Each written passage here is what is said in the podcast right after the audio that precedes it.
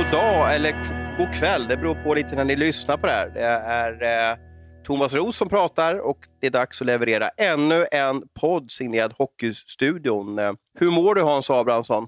Jo, men tack, det är bra Thomas. Jag känner mig lite yster nästan, skulle jag vilja säga. Yster då? Vad har du för syno- synonym till yster då? Ja, men lite sådär eh, halvlycklig sådär. Nej, men lite, lite, lite uppåt. Trots vädret, trots mörkret. Eh, när jag satt och åkte min bil häromdagen så, så gick den aldrig över till dagsbelysning i instrumentpanelen. förstår jag menar. Den, den alltså märkte inte att det var ljus någon gång på dagen. Så jag tycker att det är oerhört mörkt här ute. Ja, det kan vi väl vara överens om, om att det är. Men eh, vi får väl försöka att måla med ljusa färger istället och eh, lysa upp tillvaron. Jag kommer lite till en punkt där vi kanske måste få eh, sprida lite glädje. För det är ju som du säger, det är mörkt, det är corona, det är eh, ingen publik på matcherna, ingenting. Men vi, vi, vi får försöka plocka ut guldkornen. Jag tycker det fanns lite grann eh, den gångna veckan faktiskt. tycker vi slänger oss direkt in i JVM-uttagningen och det som har skett sedan JVM-truppen togs ut eh, i förra veckan. Vilken dag var det Thomas Montén, förbundskaptenen, hade presskonferens? Torsdag, skulle jag säga. Ja, torsdag måste det vara. Och det är ett speciellt JVM-år. JVM-år spelas ju alltid mellan jul och, och, och 13-dagshelgen. Eh, för många är det årets höjdpunkt. Jag tycker det är helt fantastiskt när man går upp tidigt på morgonen. Eh, man kanske får med sig någon annan familjemedlem, man, tänd, man tänder lite ljus. Eh, man tar en tultmacka med lite överbliven eh, eller kvarbliven skinka från, från julhelgen och så får man se de här fantastiska matcherna. Nu blir det kanske inte utsålda hus då, som, som tidigare, men, men det är ju det här mästerskapet där nya stjärnor tänds och, och eh, där, där på något sätt svenska folket samlas framför tvn och det, allting går rakt igenom rutan. Jag tycker att det är ett otroligt fint mästerskap. Men det är ett speciellt år i år. Vad är det som skiljer den här, det här JVM från tidigare JVM, om du ska sammanfatta lite kortfattat? att det spelas i en bubbla i Edmonton och att det spelas utan publik då. Och att lagen flyger chartrat dit, bara lagen i sig då, och eh, hålls helt isolerade. Montén har tagit ut en bruttotrupp. Hur många var det? 36 spelare? Hur många var det? 34, 30 plus 34. 4. 30 utspelare och 4 målvakter. Ja, och eh, hur många spelare kommer ingå? Hur många kommer flyga över till Edmonton till slut? Då? Ja, det är lite skillnad på det i år också. Normalt sett så brukar det vara 20 plus 3. Eh, 13 forwards, 7 backar allra oftast. I år är det faktiskt 22 plus 3. Eh, så att man får ta med två utespelare extra. Och det beror ju på, eh, naturligtvis då på, på de här speciella omständigheterna som, som är. För du får, ju inte, du får ju inte ersätta en sjuk eller en skadad spelare. Från och med nu och framåt så är, det, är den möjligheten bort, borta. Så att, ehm, vi får se först och främst hur många han har kvar när, han ska, när de ska flyga över den 13. Det blir väl nästa, ja, på söndag kanske. Ehm, och eh, sedan så, så får han hoppas att de 22 plus 3 han tar med sig bort dit är friska. För det går inte som det brukar göra och kanske flyga över någon extra om det skulle bli något, något avbräck och sådär. Utan det, det är de man har att, att tillgå. Och nu samlas de uppe i eh, Sundsvall och jag såg att många spelare åkte upp på, på söndagskvällen. Eh, men det har redan kommit två avhopp kan man säga, eller två spelare som har tagit eh, positiva coronatest. då. Och det är eh, William Eklund och Karl Henriksson, Djurgården och Frölunda. De får inte följa med till Edmonton trots att de hade de här testen ja, flera veckor innan JVM ska starta. Ja, i Eklunds fall så var det väl, föll det väl på en dag, om jag har förstått det rätt, att han testades. Det finns ju någon, någon eh, tidsgräns även Tjo- före 28 turneringen. november sa Olof Östblom, tävlingschef till mig, att, att levererar man ett positivt test efter den 28 november så är det godnatt. Undrar om de visste om det där. Alltså. Det är det jag menar. Det är det jag menar. Ja. Alltså att jag undrade, jag, jag frågasatte det lite till Olof faktiskt, men sa att det är inte mitt bord, utan jag kan bara säga så här är regelverket. Ja, ja. nej. Eh, det kanske hade gått att ta det en dag tidigare och klarat sig undan. Henrikssons fall var det, ju, var det ju kört. Han testade väl positivt efter matchen, lördagsmatchen där om jag förstod det rätt. Ja, och du kan också vända på det, att var det, var det mening att ta ut Eklund eh, om han nu hade visat positivt test, om du förstår vad jag menar? Nej, Nej, hade de vetat om det så hade de ju naturligtvis inte tagit ut honom för då hade de ju vetat att det var, att det var kört. Då. Så att det är ju uppenbart att det har eh, klickat någonstans i, i eh, kommunikationen där. Och det är ju det är ju trist naturligtvis, men eh, ja, det är ju nya tider för, för alla, nya problemställningar som man, måste, som man inte riktigt är van vid. Att, att, eh, det brukar vara att man ska förhandla med NHL-klubbar eller, eller liksom hur många spelare man ska ta med sig över dit och sådana saker. Nu är det liksom det här med hur långt innan ska de eh, testa positivt, eller få dem testa positivt för corona. Så det är väl, det är väl en, eh, en bugg i organisationen. Jättetrist att, vi, att, det, att det faller på en sån grej. Just Eklund eh, hade ju varit väldigt, väldigt bra att ha med. Vad får det för inverkan på laget om vi, om vi börjar där lite, stannar lite och gnuggar lite ja, på det?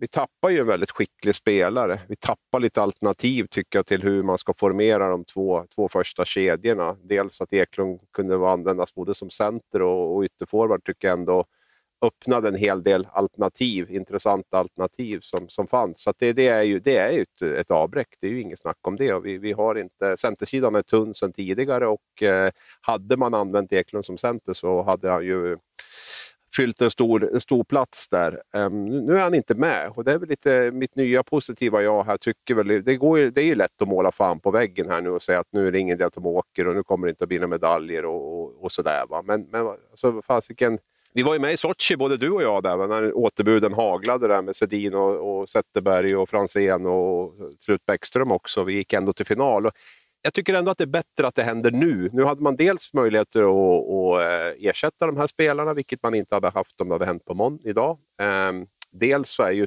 truppen och förbundskaptenen och allting är ju man är medveten om förutsättningarna nu. Att de här spelarna är inte med. Vi vet i ett tidigt skede vi får bygga laget eh, de, de spelare vi, vi, har. Så att eh, sen, eh, sen, sen blir vi ju lite tunnare offensivt. Både Karl Henriksson har ju en historia med Raymond och Holt som jag vet inte hur långt tillbaka i tiden den går, men det är väl sedan man började spela eh, juniorlandslagshockey i alla fall. Och eh, de har ju klickat väldigt bra tillsammans, så han är ju också borta nu. Då. Så det är, det är ytterligare ett topp 6 forwardsalternativ som, som försvinner. Men varför inte tänka som så att vi kanske har andra som kan kliva fram istället? Och också det är ett väldigt speciellt mästerskap, alltså när, när två spelare försvinner på grund av en eh, världspandemi.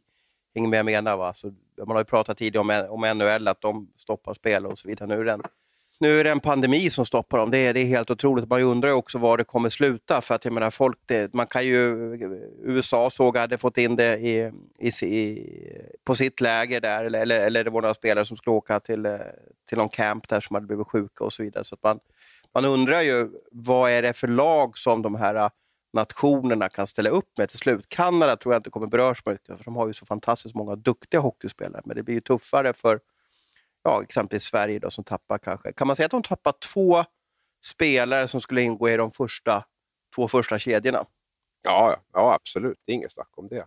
Men det är bra att du tar upp det där också, för det skulle jag lägga till att det är väl troligtvis inte bara vi som drabbas. Det kanske blir ett break-even, att eh, andra lag, Finland kanske tappar två på vägen också. USA kanske tappar någon på vägen och, och Ryssland. Så det kan ju också bli att det här är ja, man får räkna med att två, två topp 6-forwards eller två för de två första femmorna försvinner bort kanske i fler lag än Sverige. Det vore väl fasiken om bara vi drabbas. Så det, det, kanske tar ut varandra lite grann också med det här, förutom Kanada som du nämner som har en enorm bredd. Då, men även de är ju inte de har ju inte hur mycket spets som helst heller. Så att, eh, nu kommer väl inte Lafreniere med där till exempel som, som det verkar. Och, eh, inte på grund av covid då, men, men, på grund av New York Rangers. Och eh, kan säkert bli något, ytterligare något återbud där. De har ju också suttit i karantän ett tag. Tror du Djurgården jublar? De spelar ju faktiskt första kedjan, ja. Eh, startar powerplay eh, och det, vi pratar om upp mot tio matcher som det här JVM stoppar alltså JVM-spelarna från att delta i Hockeyallsvenskan och SHL. Ja, nu tror jag nog att de unnar William Eklund väldigt mycket att spela JVM. Ja, men om de ska vara lite själviska också så är det ju, jo, det är det är klart ett problem de, slipper hantera. De, ja, ja, ja. Nej, men det är väl klart att det är en fördel för Djurgården och det, det, det ser de ju också. Och de har ju, det är ju det är ju helt utanför deras händer. Det är ju inte något de har gjort för att stoppa honom eller någonting, utan nu får de ju behålla honom, något de inte alls hade räknat med. Så det är ju en, en jättebonus för, för Djurgården, givetvis. Och tänk dig, om jag ska lida med de här pojkarna, 18-19 eh, år. Jag antar att de testas varje dag eller varannan dag nu där uppe i, i, i Sundsvall. Tänk vad nervös de ska vara varje gång de tar det här testet. Eh, ja. Ifall de ska bli stoppade för att åka på den här... Jag tror charterkärran går från Helsingfors om jag var var väl underrättat där, att de åker därifrån. Jag vet inte mm. om de åker gemensamt med Finland eller hur de gör till Edmonton. Då, men, men det är ju stora drömmen där som, som ett litet test. Ett, ett, litet, några ord på ett papper bara kan förinta på, på, en, på en tiondel. Liksom. Ja, och vad händer om Thomas Montén testar positivt? Ja, vi såg att ASS-coachen han skulle stanna i Luleå, eller hur var det för något om jag såg lite snabbt där? Ja, Stridby, Stridby inte med där, så det är ju, det är ju, är ju också en, ett avbräck då naturligtvis. Kanske slutar med att presschefen och Linus Hugosson får ställa sig i båset då? Kan bli så. Nej, men jag har ju, vi har ju, Anders Lundberg har ju kommit in där och eh, utvecklingsansvarig va, på ishockeyförbundet och Joel Rönnmark har ju varit med något år nu. Eh, så att, eh, de är assisterande. Men eh, Montén har ju varit lite hemlighetsfull runt det där och menar på att de har en, en, en plan om det blir någonting. Men eh, ja, det, ju, det, går inte att få in någon i bubblan där. Så att, men man har ju också förstärkt upp med Todd, Todd Woodcroft, ska vi väl säga här också, som jag vill minnas, var inte han med på World Cup också? Va? Mm, han utförde tekningar i 45 minuter på varje träning, minns jag där. Ja, ja, så att det, det, kan ju vara att man hoppas lösa det med, med Lundberg, Rönnmark och Woodcroft i så fall. För annars har man kunnat tänkt att kanske Garpen hade kunnat hoppa in. Då. Garpen Löv-Johan som är för Tre Kronor. Men, men eh, som sagt, han är, ska ju till Ryssland och är inte alls inne i bubblan. Så det, ett, ett normalt år hade det ju funkat. Eh, men, men inte i år. Då, Utan då får de försöka lösa det inom, i, i tränarstaben. Vad ska vi förvänta oss då när vi har, när vi har dukat upp med lussebullar och, och nybryggt kaffe och sitter och kollar på, ja det blir väl slutspelsmatcherna som det blir liksom intensifierat där. Att, vad, vad, vad, är, vad är rimliga krav på, på det här gänget då? Ja, men jag tycker vi ska kunna gå till semifinal trots allt. Eh, vi har en bra målvaktssida, jättebra målvaktssida, vi har en jättebra backsida och sen hoppas jag att vi har spelare som, som tar kliv där borta och som, som, eh, ja, som inte har varit stjärnor tidigare under juniorlandslags åren kanske på det sättet där. Eh, nej, men jag tycker det finns många där. Jag menar Theodor Niederbach, Oskar Olausson, jag tycker Oskar Kvist som kom in nu på, på ett återbud har sett jättebra ut under, under hösten här med, med Brynäs och sådär. Så att, eh, jag hoppas att det är många som tar kliv och svar på din fråga. Jag tycker semifinal och vi är ett av fem lag som är med och slåss om medaljerna. Det är möjligt att Kanada och Ryssland, det blir för tufft, men eh, jag tycker vi ska vara med och kämpa i alla fall om en, om en medalj. Mm, spännande. Och du väljer att bevaka hemifrån då, om vi ska nörda ner oss lite och prata journalistspråk ett tag. Vad innebär det? Ska du facetima med spelarna efter matchen eller hur kommer det funka i, i din roll som bevakande reporter av, av den här turneringen?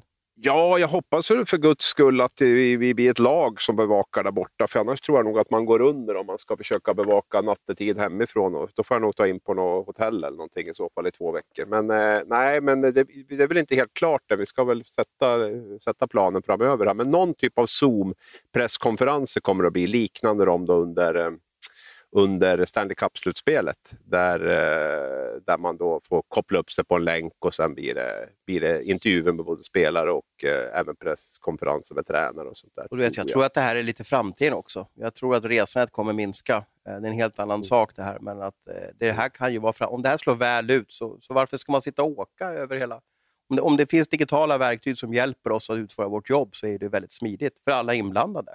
Sen vet jag inte om det blir samma känsla om du sitter framför en datorskärm eller tv-skärm eller en, en mobil, mobiltelefonskärm eh, och, och för den här intervjun, eller om det blir ännu mer stelare. Men, men slår det här väl ut? För jag tyckte att en del konferenser efter NHL-matcherna funkade väldigt bra faktiskt. Att det blev ganska bra svar och att alla tyckte det var ganska det var, det, det var en okej okay arbetsmiljö. Ja, men just den här typen av händelser, jag hoppas verkligen att du har fel. Där, för jag menar, sitta i fullsatt Bell Center och liksom se matchen och förmedla intrycken där kontra att sitta framför tvn. Eh, det går inte ens att jämföra. Så att jag hoppas till viss del att den här typen av, av evenemang, att vi fortfarande har möjligheter att bevaka, bevaka dem framöver när det blir normalt igen. Men, men en hel del annat kommer nog att, att, övergå till det digitala när det gäller intervjuer och sånt. Det tror jag. Kan det bli fler? Det är så här liksom omöjlig fråga att svara på i alla fall, men jag måste ställa den liksom på något sätt. Kan det bli fler återbud? Alltså kommer det ramla in en spelare per dag? Kan, kan det bli så? så jag vet om att du inte har någon aning om hur det här viruset sprids eller, eller sådär. Men, men ändå, alltså,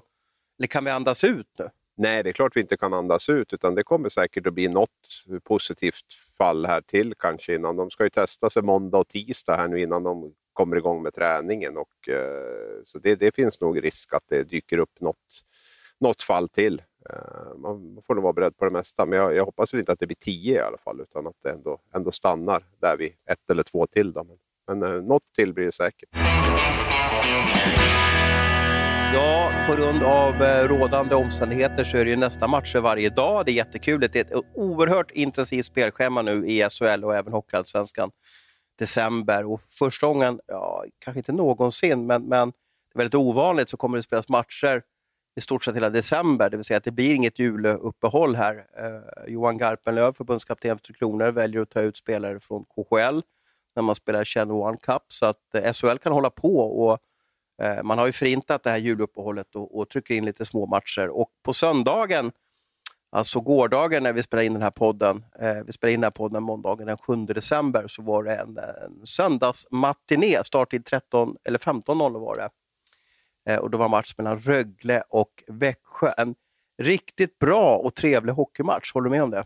Ja, det tycker jag. Även om laget kanske turades om att vara bra. De var kanske inte bra samtidigt. Jag tycker väl att Rögle var bättre första halvan, framförallt i andra perioden. Och Sen var ju Växjö klart bättre i tredje. Då. Jag tyckte att Rögle kanske inte var så bra, även om jag inte ska ta dem från Växjö. Men det kändes som att de kanske tappade lite kraft och ork och, och den här eh, noggrannheten som de är så förknippade med. Men eh, jag satt också och sappade lite mellan kanalerna i, i lördags där och såg lite grann från Skandinavium där och kanske tycker att den matchen var än bättre mellan Frölunda och Rögle där. Men håller med dig, det var väldigt många skickliga spelare på isen igår. Eh, man ser vad Växjö kan också när de väl trampade igång eh, i tredje perioden. Där. För två första tycker jag ju inte att det såg så så spännande ut från Växjöhåll. Men eh, nej, det är två, två bra lag. Är Rögle Sveriges bästa hockeylag just nu? Ja, jag tycker det. Jag, jag, jag, är svag för Rögle, jag måste säga det. Och jag, sitter och, jag känner allt mer att det här är nog...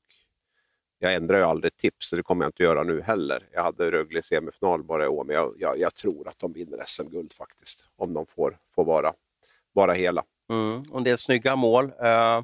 Det var också en händelse. Var, varför jag menar att matchen igår var intressant, varför jag gick igång på den, att det, det, var ju, det var ju upplagt för en kamp mot ett rekord, det vill säga eh, Växjös målvakt Viktor Fast, känns som han har varit med i hundra år för övrigt. Eh, riktigt tjurig vinnarskalle som, som, liksom jag, som jag trodde faktiskt hade passerat Zenit, att han skulle bli som typ av backup-målvakt nu en sista säsong här och, och, kanske typ sluta i januari för att han kände att han har inte mot göra, ett mon göra monster, om man kallar för det. Han har ju bevisat att han kanske är bättre än någonsin och han fick en urbota korkad fråga här i Simor. Jag vet inte om du såg den? Uh, uh, och så. Uh, efter att ha hållit tre raka nollor där så, så, ja, så var det en fråga som kanske inte var så genomtänkt ibland. Och det har jag ställt tusen av, så att jag vet hur det är under press. Men han skulle slå Salaks rekordnolla här från om det är 7-8 år sedan. Mm. Det räckte med att han, han höll nollan, Viktor fast, i 24 minuter i den här matchen mot, mot Rögle så skulle han ta ett väldigt fint rekord och liksom, kanske inte för evigt, men för en tid framöver i alla fall bli inskriven i rekordböckerna. Men så fick han inte alls stå matchen. Vad, vad, vad säger du om det här? Nej, men det är väl... Ja.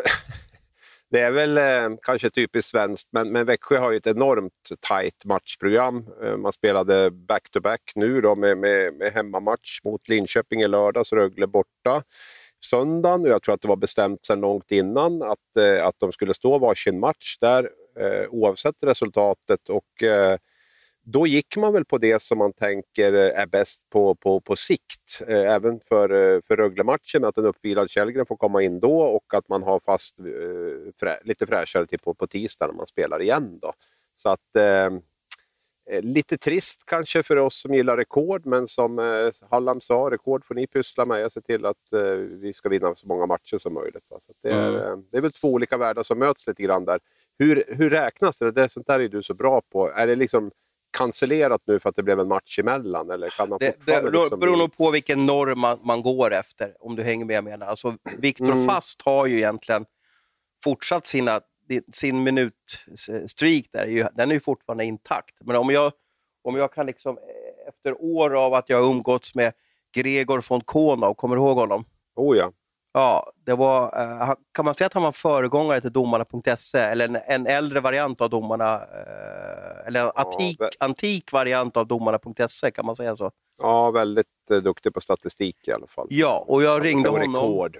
Ja, jag ringde ju honom på kvällarna och då satt han på sitt i, i, sin lägenhet i centrala Stockholm. Jag tror med att det var Östermalm han bodde på. Och så hörde jag hur han gick och hämtade någon perm och så slog han i permen och så gick, gick vi igenom typ kanske Peter Humlan Hammarströms, hur hans eh, poängsvit hade varit där från 82 eller någonting sånt där. Och så, och så, och så skrev man ett tillägg om det där. Och, och, och, Det jag minns av det här är att har det varit en match emellan så, så gäller det inte riktigt. Så att säga. Men sen kan jag tänka mig nu om FAS kommer in i nästa match och håller nollan i 25 minuter. Ja, men då, någon kommer säkert skicka iväg den raketen och säga att det är rekord i alla fall. Uh, och det blir ju som liksom ett ja, litet halvt urvattnigt, eller urvattnat rekord, kan man säga så? Då?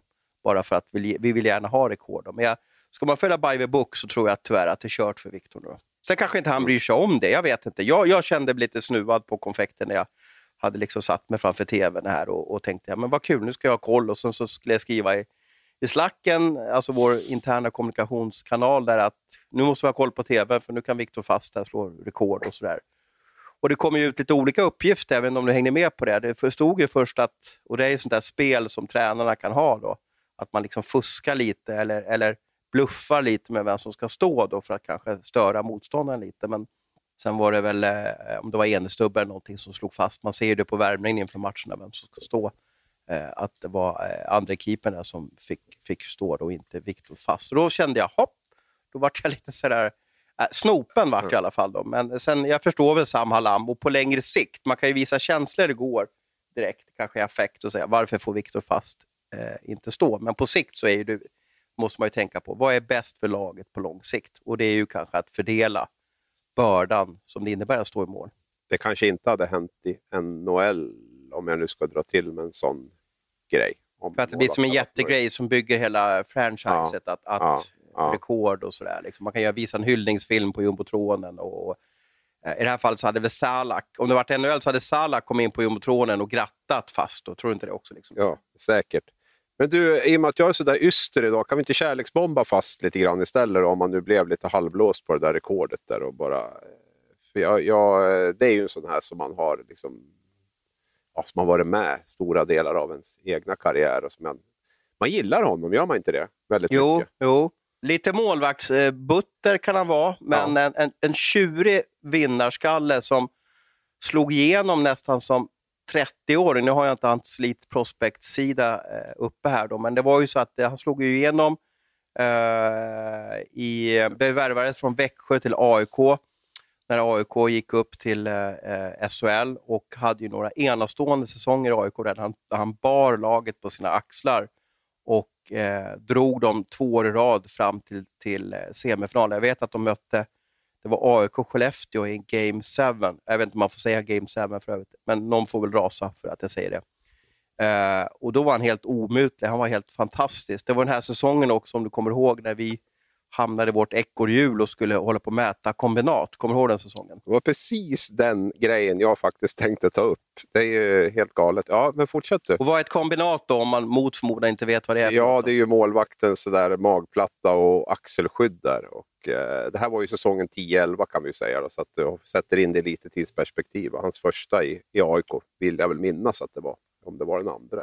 Ja, någon av dem i alla fall var det. Men det var där, i den vevan i alla fall. Som, som det var, eh, det var lite missnöje med man tyckte målvakterna var för stora. Eh, de, hade ju, de täckte ju hela målet nästan med överkroppen där och då kom det ju några no, no regler på det där och det skulle mätas hur stora de skulle vara och vi hade ju någon Minns du vem det var som åkte runt och kollade? Det var någon i alla fall som höll på och kollade det där. För mig och, och mätte och grejer. Jag tror att Ulf Lindgren var inblandad och Lars G. Karlsson tror jag var inblandade i, i, uh -huh. i, åkte runt med linjalerna och sådär.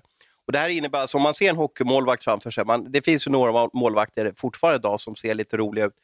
Det innebär att man ser, det ser ut så att de ser ut som en robot framifrån, det vill säga att axelskydden går upp till öronen på målvakten och då blir det väldigt litet utrymme att skjuta på mellan axelskydden och eh, ribban kan man säga. Det är ju därför målvakterna vill, målvakterna vill ha så stora skydd och så mycket skydd som möjligt.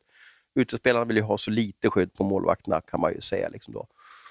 Och Då var det en liten trend där. Jag tror att det var två olika märken också som hade lite synpunkter på varandras eh, kombinat och vad som var schysst och inte. Och Sen kan man ju fluffa upp skydden lite också, bygga upp lite och förstärka och så vidare. Så det var liksom en vi vart, vart väl experter där eh, ett år på målvaktsskydd, kan man väl beskriva det som. Då.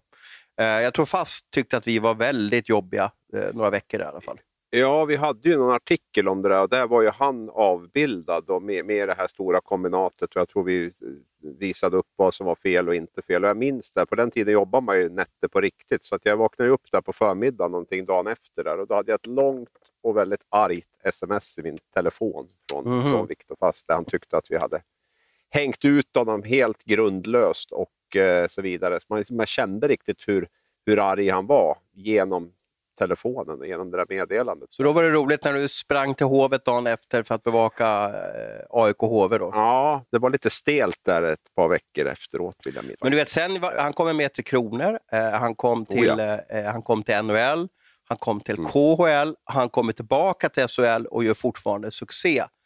Uh, ja. Och det här pratar om en kille som hade sin som pikade i karriären efter ja, runt 30 år. Det är väldigt ovanligt att det blir så. Uh, vi har ju suttit och pratat lite om målvakter och stress och press som de har. Och, och det finns ju hur många exempel på det här som helst. Vi har, ja, Monstret nu har slutat, men han har ju haft en bra karriär. Men kommer ihåg Tim, Tim Sandberg, vi hade han Holmgren i AIK. Det finns många målvakter som på vägen fram åker på en, en, en liten smäll och, får dåligt självförtroende som lägger av dem. Men fast har ju bara jag tror karriären började i Brooklyn Tigers, kan det heta så, eh, det här laget om jag minns rätt? Stämmer bra det uppe i Luleå. Där. Ja, ja eh, mm. alltså enastående karriär och att han fortfarande, nu, just nu då som, som visst är han född 82? Ja, så han, är, han, han är som Henrik Lundqvist, 38. Ja, så han fyller 39 nästa år och, och, och just nu har tre raka nollor bakom sig i SHL det är, det är magiskt bra. Ja, han är ju SHLs hela bäst, eller bästa målvakt både när det gäller ja, all statistik där i stort sett så, så är, han, är han ju bäst. Så att, eh, i, alla fall, I alla fall den som är överliggande så, så, så är han ju bra. Jag var 28 när han debuterade i AIK där och han spelade ju VM då våren efter. Det var min första VM-turnering och det var ju Slovakien, den här magiska där det blev silver till slut och han var ju ruskigt bra i den turneringen. Jag vet inte om han hade så 95 eller någonting i räddningsprocent. Och var, äh, han var sjukt bra. Sen, det var väl i finalen som det... Ja, det krackelerade lite därefter. Efter vi haft ledningen med 1-0, vill jag minnas. Men hur är det möjligt att han kan spela sin, sin, sin livs hockey som, som ja, snart 39-åring?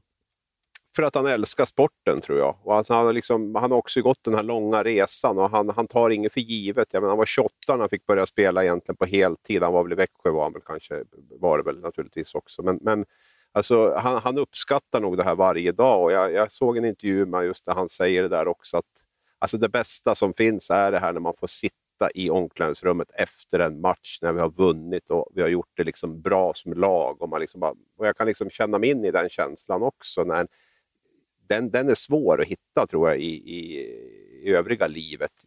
Just när man lyckas med någonting tillsammans och kan, kan sitta där och bara pusta ut. Och det kanske har varit spänt och nervöst innan och man, ja, mycket fokus och sådär och så bara, bara sitta där. Och det, det, det, tror jag är den stora anledningen till att han... Eh, för har du inte drivet, har du inte glädjen och liksom fortsätta träna och utvecklas inte minst så, så är det ju kört eh, och spelaren är så pass gammal. Så det, det tror jag går igen både hos honom och, och Henrik Lundqvist. Att det, hockeyn är viktig för dem. Hockeyn är rolig eh, fortfarande. Och då, då, eh, då blir det också lättare att ta, de här, eh, ta den här tunga träningen, eh, vilja utvecklas och så vidare.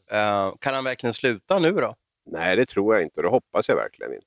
Alltså det är ju, jag hade väl lite din känsla där sista två åren i Växjö före det här, att det kanske var på väg ut. För vi ska också klart för oss att Växjö har ju inte spelat något bra försvarsspel överhuvudtaget de senaste två åren. I år har man ett helt annat spel. Framförallt så har man ju, är man ju mera puck, puckförande. Man har ju skickligare backar som kan, som kan man styra spelet bättre. Och det har ju också gjort att Fast har fått en, på samma sätt som man hade en otroligt svår uppgift de senaste två åren, så har han också fått det lite lättare i år. Men, men, men också själv steppat upp rejält. Så jag, jag hoppas att han spelar två år till. Alltså jag, vi, vi behöver ju de där profilerna och jag, som jag sagt, eh, det är något jag, jag gillar med honom, även om han kan vara vass ibland. Så, och det är väl kanske det man gillar, men, men det finns en värme också som, och en, en glädje för att hålla på med, med, med Ja, hålla på som, som nästan 40-åring och mm. fortfarande spela ja. hockey, att brinna, att sitta, sitta, slänga sig på bussen och, och, bussa till Stockholm, flyga upp till Skellefteå och, och förbereda sig inför match.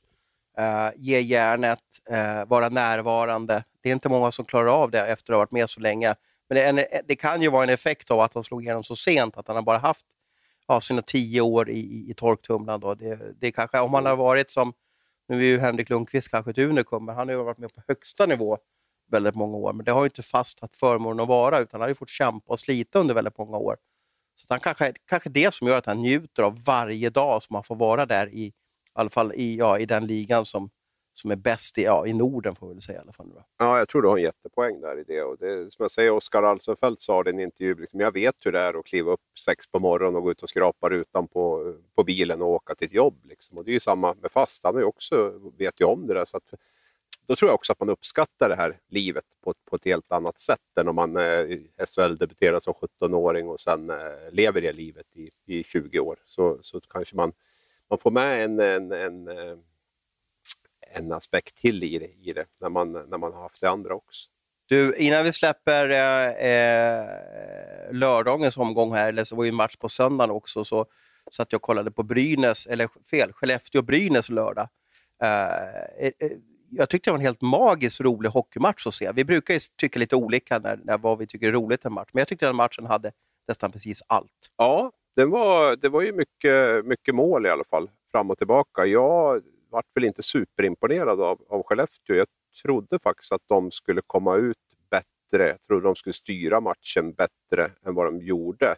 Eh, så att eh, jag varit lite besviken på Skellefteå. Sen kan det ju vara att eh, ja, Brynäs gjorde det bra och inte fick igång sitt spel. Men på hemmaplan så, och ah, behövde verkligen en trepoängare, så trodde jag att Skellefteå skulle komma ut på ett annat sätt. Jag tycker de har ett rätt så intressant lag, men jag tycker inte att de riktigt får, får liksom ut maximalt av det. Men det kan ju vara att de... Men jag, jag menade också att det var, den här matchen byggdes ju upp lite, att Brynäs kom från en, en, en makabert dålig föreställning i Leksand på torsdagen. Mm. Man har förlorat nio av de senaste tio matcherna. Eh, vi har en problematik senare som kommer komma in på med, med en väldigt meriterad och rutinerad back som finns i laget, eller kanske utanför laget just nu. Man åker upp till Skellefteå. Eh, hade man torskat matchen, eh, nu torskade man ju efter förlängning, så hade mm. ju den här katastrofbilden förstärkts ännu mer. Då. Men likt liksom fågeln Fenix så reste man ju sig helt otroligt, kanske tre gånger i matchen och klarade mm. oavgjort efter 60 minuter. Det var ju, det, det var ju den dramaturgin som jag tyckte var helt magiskt bra. Och Sen var det många mål. Eh, Brynäs fick spela 5 mot 4 i fem minuter. Vad hände då? Jo, man släpper in ett mål. eh, mm. sådär. Jag, jag, tyckte det fanns... Jocke Lindström återuppstod på något sätt i matchen. Jag vet inte om du såg den här toe dragen han gjorde. En back slängdes ner och så gick, gick, mm. gick han runt och så gjorde han precis som han gjort i hundra år.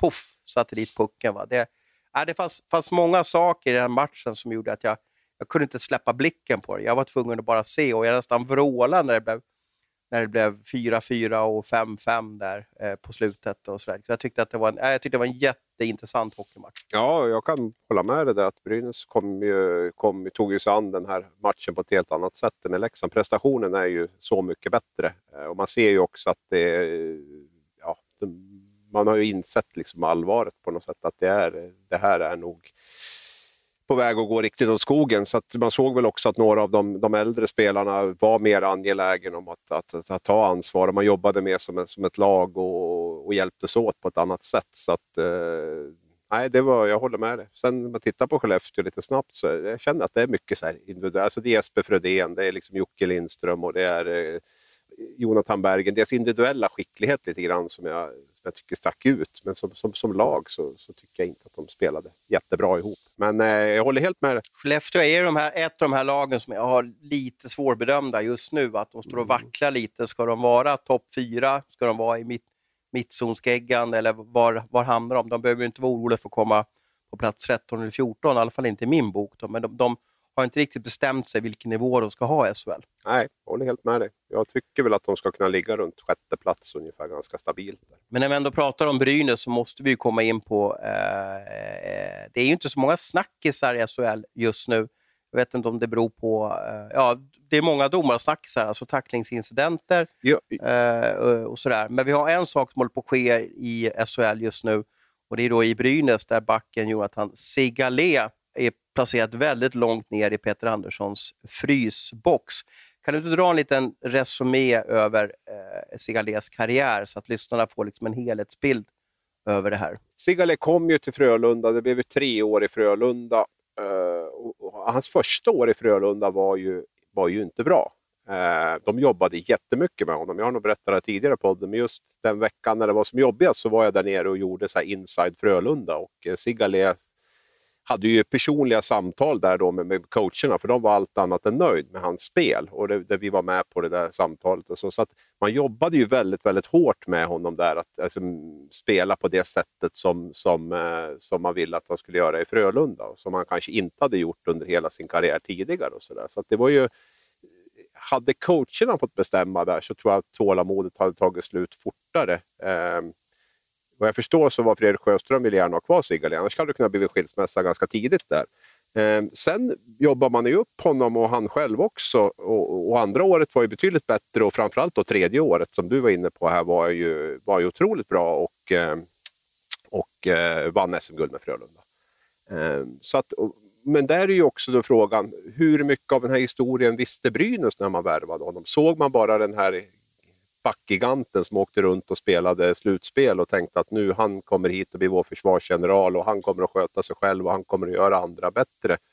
Jag tror att man tänkte lite grann så och det var så man, man hade kanske inte den här historien bakom att det krävs en del jobb där också. Det är, vad jag förstår så är det en väldigt bra kille. Han vill göra rätt, han vill göra liksom bra och sådär men, men, han behöver också vägledning för att göra rätt och göra bra.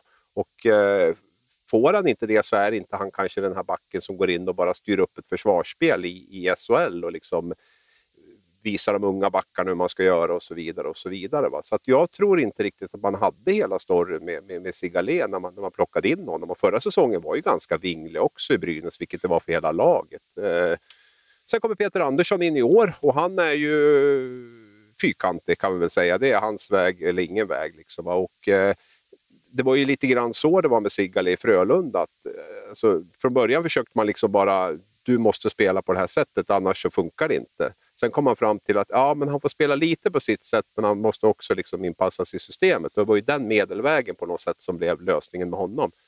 Här tror jag att det har varit ju mer man har liksom tryckt och pressat på att du måste göra si och du måste göra så, så tror jag att det bara har låst sig ännu mer för honom. Man har ju definitivt inte fått ut det, det bästa av honom. Och det kan ju vara såna backar som bara skiter i allting och bara sitter och, hånskrattar och tränar och inte tänker göra så. Jag får inte alls den bilden när jag pratar med folk runt Sigale, utan han är ju snarare, han vill ju göra rätt, men man har ju helt enkelt inte, kemin har inte funkat här och då, ehm, då har det skurit sig helt och vad jag förstått så, så vill ju inte Peter Andersson ha kvar honom, har gett tydligt besked om det.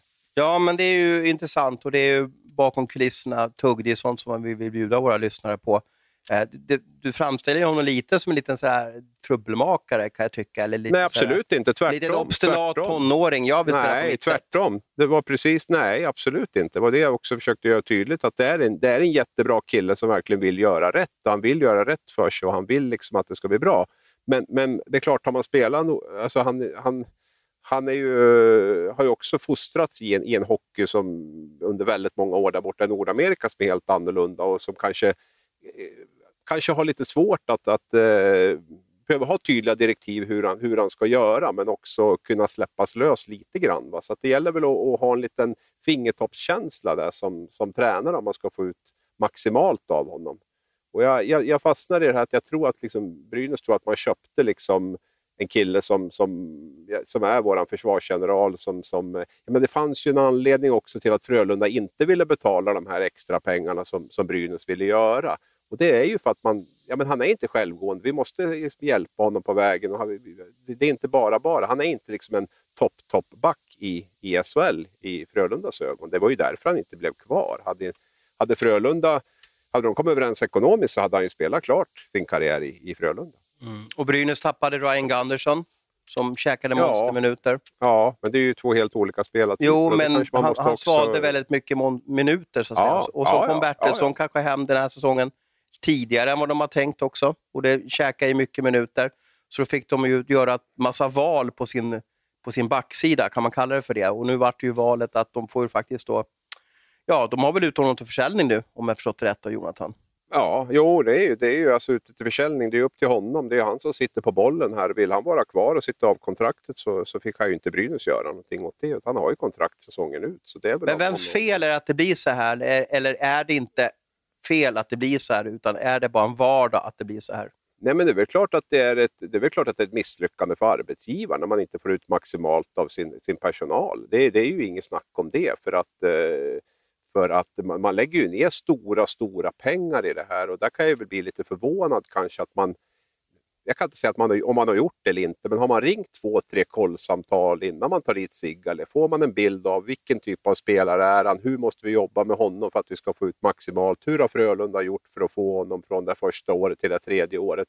Om man nu lägger kanske en 7-8 miljoner på en, på, en, på en spelare så, så, så hoppas vi i alla fall att man har gjort den grund, grundarbetet. Och, och, och jag, jag, är inte så säker på att det, det är så, så vanligt att man, att man gör det. Utan man, man har nog en bild lite grann kanske som du nämnde, det, att oj vilken försvarsgeneral han var sista tre månaderna i Frölunda när han spelar där. Och det, vi, vi bara sätter in honom så fortsätter han likadant. Och det, det är jag inte så övertygad om att det, det funkar på alla spelare. Eh, det är skillnaden. Så, så som Brian Gunderson är ju liksom skillnad. Han, han, han, driver ju sig själv. Han är ju så jäkla seriös. Han kan göra andra bättre. Han kan spela de här minuterna. Där behöver du inte lägga så mycket jobb utan han, han är självgående på det sättet. Det tror jag inte riktigt man... Eh, att Sigale var på det, på det sättet som man trodde att han var. Intressant notering är ju också att eh, assisterande coach för, för Brynäs den här säsongen är ju eh, Viktor Stråle som var i Frölundas organisation hela förra året och då måste ju han ha hört kanske då snacket, tugget om, om, om Sigalé. Men det hjälp, inte ens det hjälper att, att få ordning på honom. Då. Men, men eh, är, är det kört nu att få ordning på honom i Brynäs? Alltså, är den här skilsmässan är den ett måste? Finns det ingen return nu?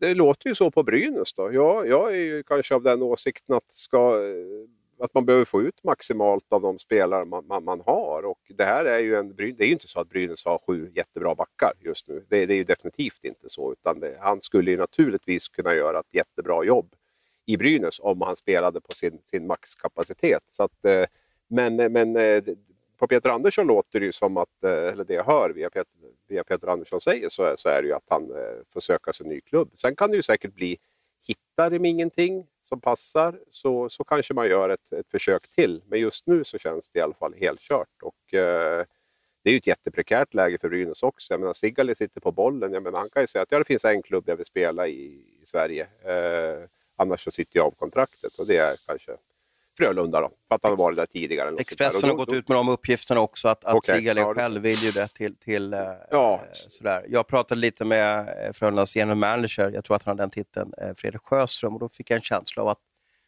att han inte var så intresserad av, av Sigali. Sen kan det vara olika, att man måste bredda truppen. det, det måste ju bli en Rönnberg-beslut på sista raden där. Vill man lägga ner den tiden? Vill man förändra hierarkin? Vill man röra om? Tycker man att han förstärker backsidan och laget till slut, ja men då kan man ju säkert lösa det. Uh, det. han har ju i alla fall levererat. Alla som såg slutspelet här för två år sedan såg att han, han klarade av att spela väldigt många minuter och gjorde det på ett väldigt bra sätt. Ja, sen är ju frågan vad, vad är Brynäs beredd att släppa för? Jag menar som Frölunda, de har ju alla trumf på handen också. Jag menar, då kan jag säga, ja ni, vi kan betala 40-50 000 i månaden för honom eh, resten av säsongen. Resten får ni stå för. Och då, vad säger Brynäs då? Alltså det, det, det, det är ett... Eh, det, det, är ju klubbarnas marknad, alltså de, köparnas marknad verkligen på, på det sättet och inte minst i den här situationen. Då. För Sigale kan ju säga det att ja, men vi får 100 000 i månaden av Oskarshamn, säger Brynäs. Ja, men dit vill inte jag, säger Sigale. Nej, okej, då, får man, då, då, då, då sitter man ju där. Va? Och då är det ju då är det kanske de 50 från Frölunda som man får köpa. Och känner jag Roger Rönnberg rätt så vill han nog gärna ha 10 backar i, i backuppställningen. Eh, så att det är nog mer ett Sjöström-beslut tror jag, och ett Frölunda-beslut. För att eh, tränarna vill oftast ha, ha gott om, eh, om, om folk så att fall det blir, blir skador och annat där. Så det, det tror jag nog, men jag tror inte det är någon sån där enkel fråga för Frölunda. De har visserligen Stefan Elliot som åker hem här nu och ska, hans fru ska föda barn och så, så att de är en kort där. Samtidigt har man ju yngre backar som du har pratat mycket om det här med Simon Edvinsson och, och så vidare. Som är, och Norlinder, Filip Johansson, ingen av dem har... Ja, liksom som redan är där. Nej, precis. Och, eh, så att vi får, får väl se lite grann. Och hur sugen är Sigali att riva upp med familjen nu tre månader för att spela i ett annat lag? Det är väl också en fråga man, man får ställa sig. Men samtidigt så tror jag, det jag förstår, så är det ju... Jag, jag, tror, jag tror han tycker det är tufft om man skulle avsluta eh, sin karriär, då, vilket det troligtvis är. Han har ju själv sagt att det är hans sista två säsonger på det här sättet. Jag tror att han vill, vill att det ska få ett bättre slut än, än, än så här. Så det kan väl tala för att han också kan vara öppen för det. Är det inte sista kontraktet för hockeyspelarna väldigt speciellt också? Jo, det skulle jag väl Jag har varit med om många ganska, alltså sista kontrakt där det inte blir bra. Det vill säga att Nej. spelarna inte levererar, att det blir, eh, man hamnar i en fjärde kedja om man är forward.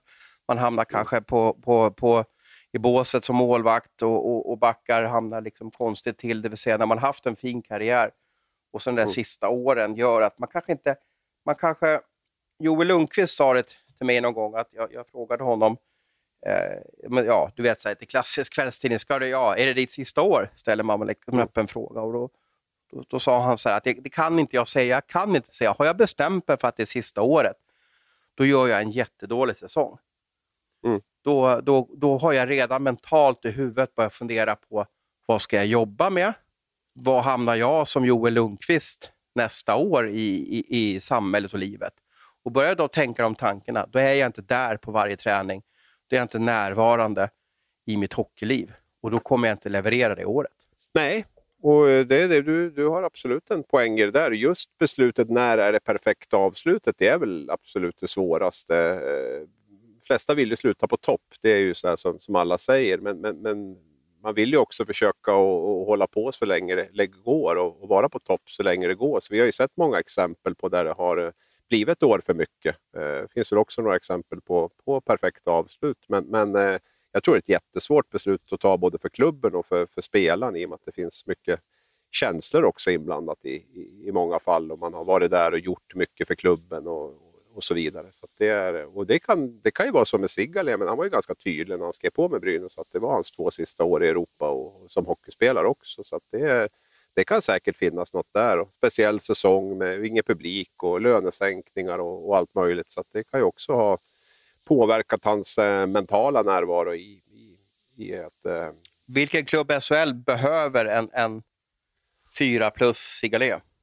Vilken skulle du 4 tycka? 4 plus liksom? Sigalé? Ja, jag tycker alla klubbar skulle behöva 4 plus Sigalé. Nu har väl inte varit på den Nej, men om man blir, om man kommer upp till 4 plus då? Om du förstår vad jag menar. Vem... Alltså Färjestad, Färjestad släppte ju Mossik nu. Nu tror jag att de eh, också har en del yngre backar som man, som man gärna vill, vill testa och släppa upp. Man tappar Albert Johansson nu också till JVM, minst en månad. Då. Eh, så det, det, är väl säkert en, en, en, klubb som skulle kunna vara aktuell. Frölunda skulle säkert också kunna vara det. Nu tittar jag lite grann på hans situation och var han skulle kunna tänka sig att, att spela. Ja, det är väl, det är väl där någonstans. Har du det, är ju, det, är ju en, det beror lite också vad prislappen ligger på naturligtvis, men det är väl, det är väl två klubbar i alla fall som, som kan vara aktuella. Och Det här blir ju ett avslut, det är ju den här veckan vi pratar om, men kanske måndag, tisdag, onsdag. Till och med kanske när ni lyssnar på det här så kanske det redan är klart var han hamnar. För jag tror att det här får inte vara en segdragen eller utdragen process. Det här måste gå blixtsnabbt. För Brynäs bästa, för Peter Anderssons bästa och för Sigalés självs bästa också. Att det här inte, för det här är ju en... Sigalé har ju spelat topphockey i 14 år. Och det här, det här han är med om, att han inte ens får åka med på bussen till Leksand i torsdags exempelvis.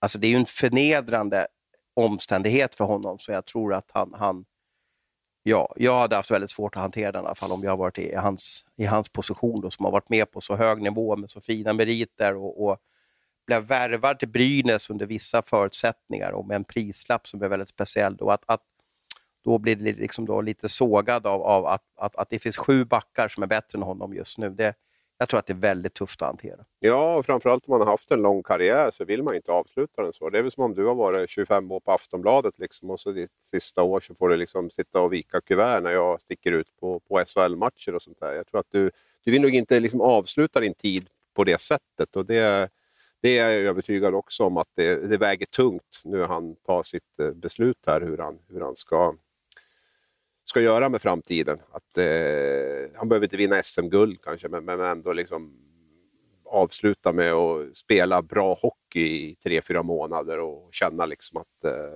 att det blir ett snyggt, snyggt avslut.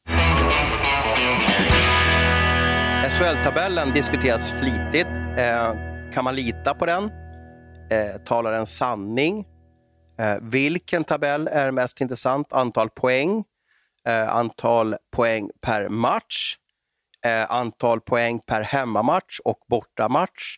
Eh, det finns mängder av varianter, speciellt det här året, eh, eftersom det råder en, en, pandemi som gör att det blir uppskjutna matcher och vissa lag har spelat 22 matcher, tror jag, vissa har spelat 17.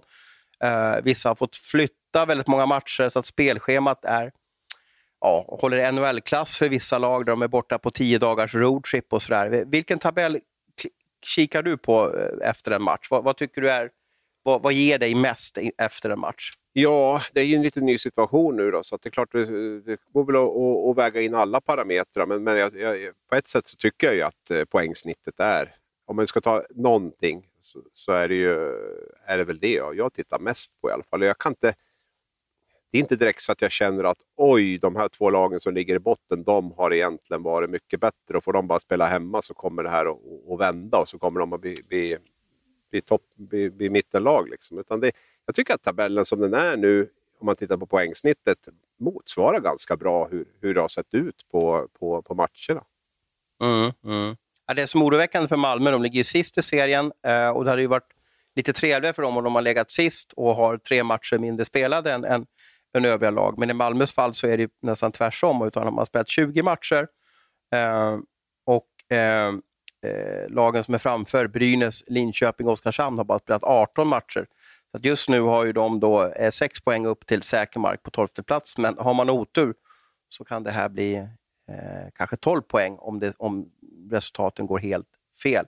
Men det jag är ute efter med tabellen, jag gillar också även poängsnitt och jag tror att alla som är NHL-älskare tycker att det här med poängsnitt, det, ja, men det är ju jättebra. För i NHL är det ju vardagsmat att vissa lag har spelat kanske 7-8 matcher mer beroende på hur man lägger eh, schemat som baseras väldigt mycket på logistik, det vill säga när lagen... Eh, man kör ju roadtrips där, där man dammar av många, många matcher för att göra det smidigare för lagen när de är ute och reser på grund av att eh, USA och Kanada erbjuder så stora avstånd mellan, mellan städerna. Eh, men, men det jag är ute efter lite i det här, det är att eh, Brynäs nu, nu kommer de från Skellefteå, de har sex raka hemmamatcher. Och det borde ju på något sätt, hur man än vrider och vänder på det, ge dem en liten fördel kommande månaden. Samtidigt som vi har vissa lag då, som kanske i tabellen och även i poängsnittstabellen, då, typ Leksand, Oskarshamn, de har väldigt många bortamatcher nu på rad under en extremt kort period. Eh, det här gör ju att man, man kanske, när man ser tabellen, Djurgården inne i en roadtrip nu också, så kanske man får lite falska förhoppningar när man ser den. Och att det kanske kommer en väldigt besvärande framtid nu som kan förändra tabellen också. Det här är ju det här som gör det så underbart den här säsongen, att det är sådana parametrar med det hela som, som vi aldrig varit med om tidigare. Exempelvis det vi såg på söndagen här när Viktor Fast ska jaga rekord på grund av ett spelschema som är blivit forcerat på grund av en världspandemi så får Viktor Fast inte chansen att slå det här rekordet. Eh, ja, det, finns, det finns fler saker jag kan ta upp i det hela också. Frölunda har ju spelat också eh, väldigt många hemmamatcher. Nu gör ju det att de har spelat sämre på slutet, de har spelat väldigt många matcher, men i, i eh, egenskap av att de har spelat väldigt många hemma så har de ett hyfsat poängsnitt ändå till slut i alla fall. Då. Finns det något annat som du, när du ser tabellen, finns det, finns det något lag som du känner att ah, ja, de här har nog en bättre tid som kommer nu?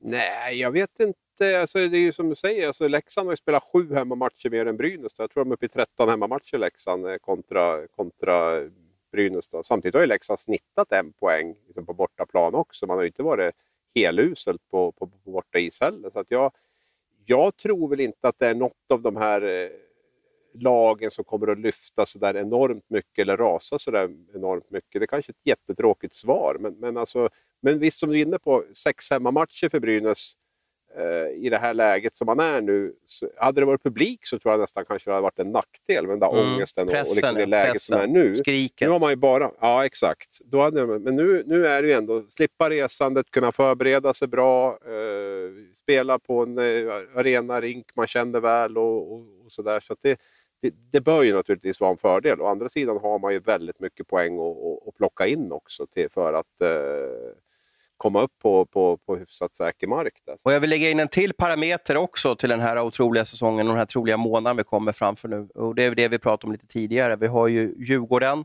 HV, Frölunda. Det är kanske de tre lagen som är tuffast belastade av JVM. Är jag, är jag korrekt ute där? Ja, HV, Frölunda och Djurgården. Ja, det ja, rimligt. Ja, ja. Och då ska de spela utan de här spelarna eh, nu under, under den här forcerade spelschemat också. Och kanske få flytta upp nya juniorer som inte varit med. Eh, vi kanske får in en, en, ett lag som åker på en borta turné och får in ett virus och, och, och sänker lagen och så vidare. Ja, det, det, är ju en otrolig säsong, va? men, men eh, det ska bli intressant att se var tabellen är om en månad. Vad som har hänt när de här liksom olika eh, Eh, ja, när det har jämnats ut lite hemma borta fördel, när de här otroliga bortaresorna kommer ske nu. Eh, jag såg, jag satt och kollade vissa spelscheman, de är helt otroliga. Sen, det går ingen nöd på dem, det är synd på dem på, de på, på bruket och verket också. De som går till jobbet varje dag och jobbar femskift och så vidare. Va? Men, men det blir vissa, res, vissa, vissa perioder reser lagen enormt mycket. Och Det är bara att hoppas att de håller sig friska, att det blir bra resor, att det inte blir några flygproblem eller väderproblem och så vidare. För att det kommer vara tajt för en del lag att hinna till, till vissa matcher. Ja, jo, det, det är absolut så. Sen tror jag mycket på det här. Jag tror att det, man kan ju vrida och vända på allting och det är JVM och det är många bortamatcher och det är skador och det är allt möjligt. Men alltså, de klubbar som har den här bästa dagliga verksamheten är ju de klubbar, de, de klarar av de här sakerna också. Då, då, då, då har man liksom tagit höjd för, för att det kan, kan ske vissa saker, men man har så pass bra snurr på, på verksamheten så att det, man, man, eh, man, man klarar sig ändå. Jag tror att eh, de klubbar som, som är stabila, jag tror, jag tror Frölunda, Rögle, Växjö, Luleå, Örebro kommer att ligga topp 6. Jag har, jag har svårt att se något annat, även om vi delar upp det på, på hemma borta fördelar och, och allt vad det är. Jag har svårt att se så mycket annat än att ja, Malmö, Brynäs, Oskarshamn måste ju börja vinna om de inte ska också bli indraget där. Eh, Linköping det är ju sjukt. Tänk om det blir en förlorarfinal Malmö-Brynäs, alltså att ingen nykomling är med i, i ett negativt kval det är väldigt många år sedan vi var med om det i svensk hockey. Ja, om du räknar Oskarshamn och Leksand som nykomlingar. Fast de inte ja, det gör jag ju fortfarande. Så ja, ja, ja, jo då, absolut. Sen var det väl två lag. Som, Malmö hade jag på kval och Brynäs hade man väl tippat tia, tror jag. Eller något sånt där. Så det är inte... Det är ju ingen, men, men, men, absolut, det är, väl, det är ju ovanligt att, eh, att, eh, att det blir på det sättet. Men det är också, betyder nog en del att de har haft de här två åren i, i, eller ja, två åren i SHL, då, Leksand, och framförallt förra året. Då, för, för deras första nykomlingsår så var ju båda på kval egentligen, så de har ju fått, fått tid på sig att, att växa i den här SHL-kostymen nu, både spelmässigt och organisatoriskt och, och så vidare. Och det tror jag spelar jättestor roll till att eh, om de nu eh, klarar av att undvika kval, så tror jag att det är en stor anledning att de har fått ett bonusår. Och jag började för två veckor sedan, kan jag berätta, att göra ett dokument på på Örebro då, eh, som då toppade eh, SHL. Sedan kom corona och ställde in, eh, ställde in vad heter det, ja, eh, verksamheten från Örebro. Nu li ligger de femma, eller ja, femma ligger de i serien då. I alla fall är den över poäng då. Men det gör ju att man kanske ska vänta när man ska publicera det här dokumentet där tajmingen är lite bättre. De ligger tvåa i snitttabellen kan jag trösta dem med. Ja, ja, Del, får, delad får, andra plats med Luleå. Får, så de är, de... När du kollar tabell, går du in på text-tv 377 eller vad, hur jobbar du? Nej, ja. Nej, nu har jag slutat med det. Nu får jag snitttabeller och, och diverse andra uppdaterade grejer skickade till mig. Jag är ju otroligt tacksam för det av, av vissa följare som, som, som skickar till mig. Så nu har jag helt slutat med 3, 3 5, 8 blir det va? Ja, just 377 kollar man resultat så går man in på 358 ja. och kollar elitserien och sen så klickar man vidare. Ja. 359 spelschemat, 360 allsvenskan. allsvenskan. Ja. Mm. Du, vi har passerat en timme. Det är dags att släppa våra lyssnare som får, får ta en dusch efter de har sprungit milen eller, eller fokusera på kanske vad man ska käka till middag här på, på måndagskvällen. Eh, tack för att du var med, eh, Abris, och ha en riktigt bra vecka nu och håll dig frisk. Tackar.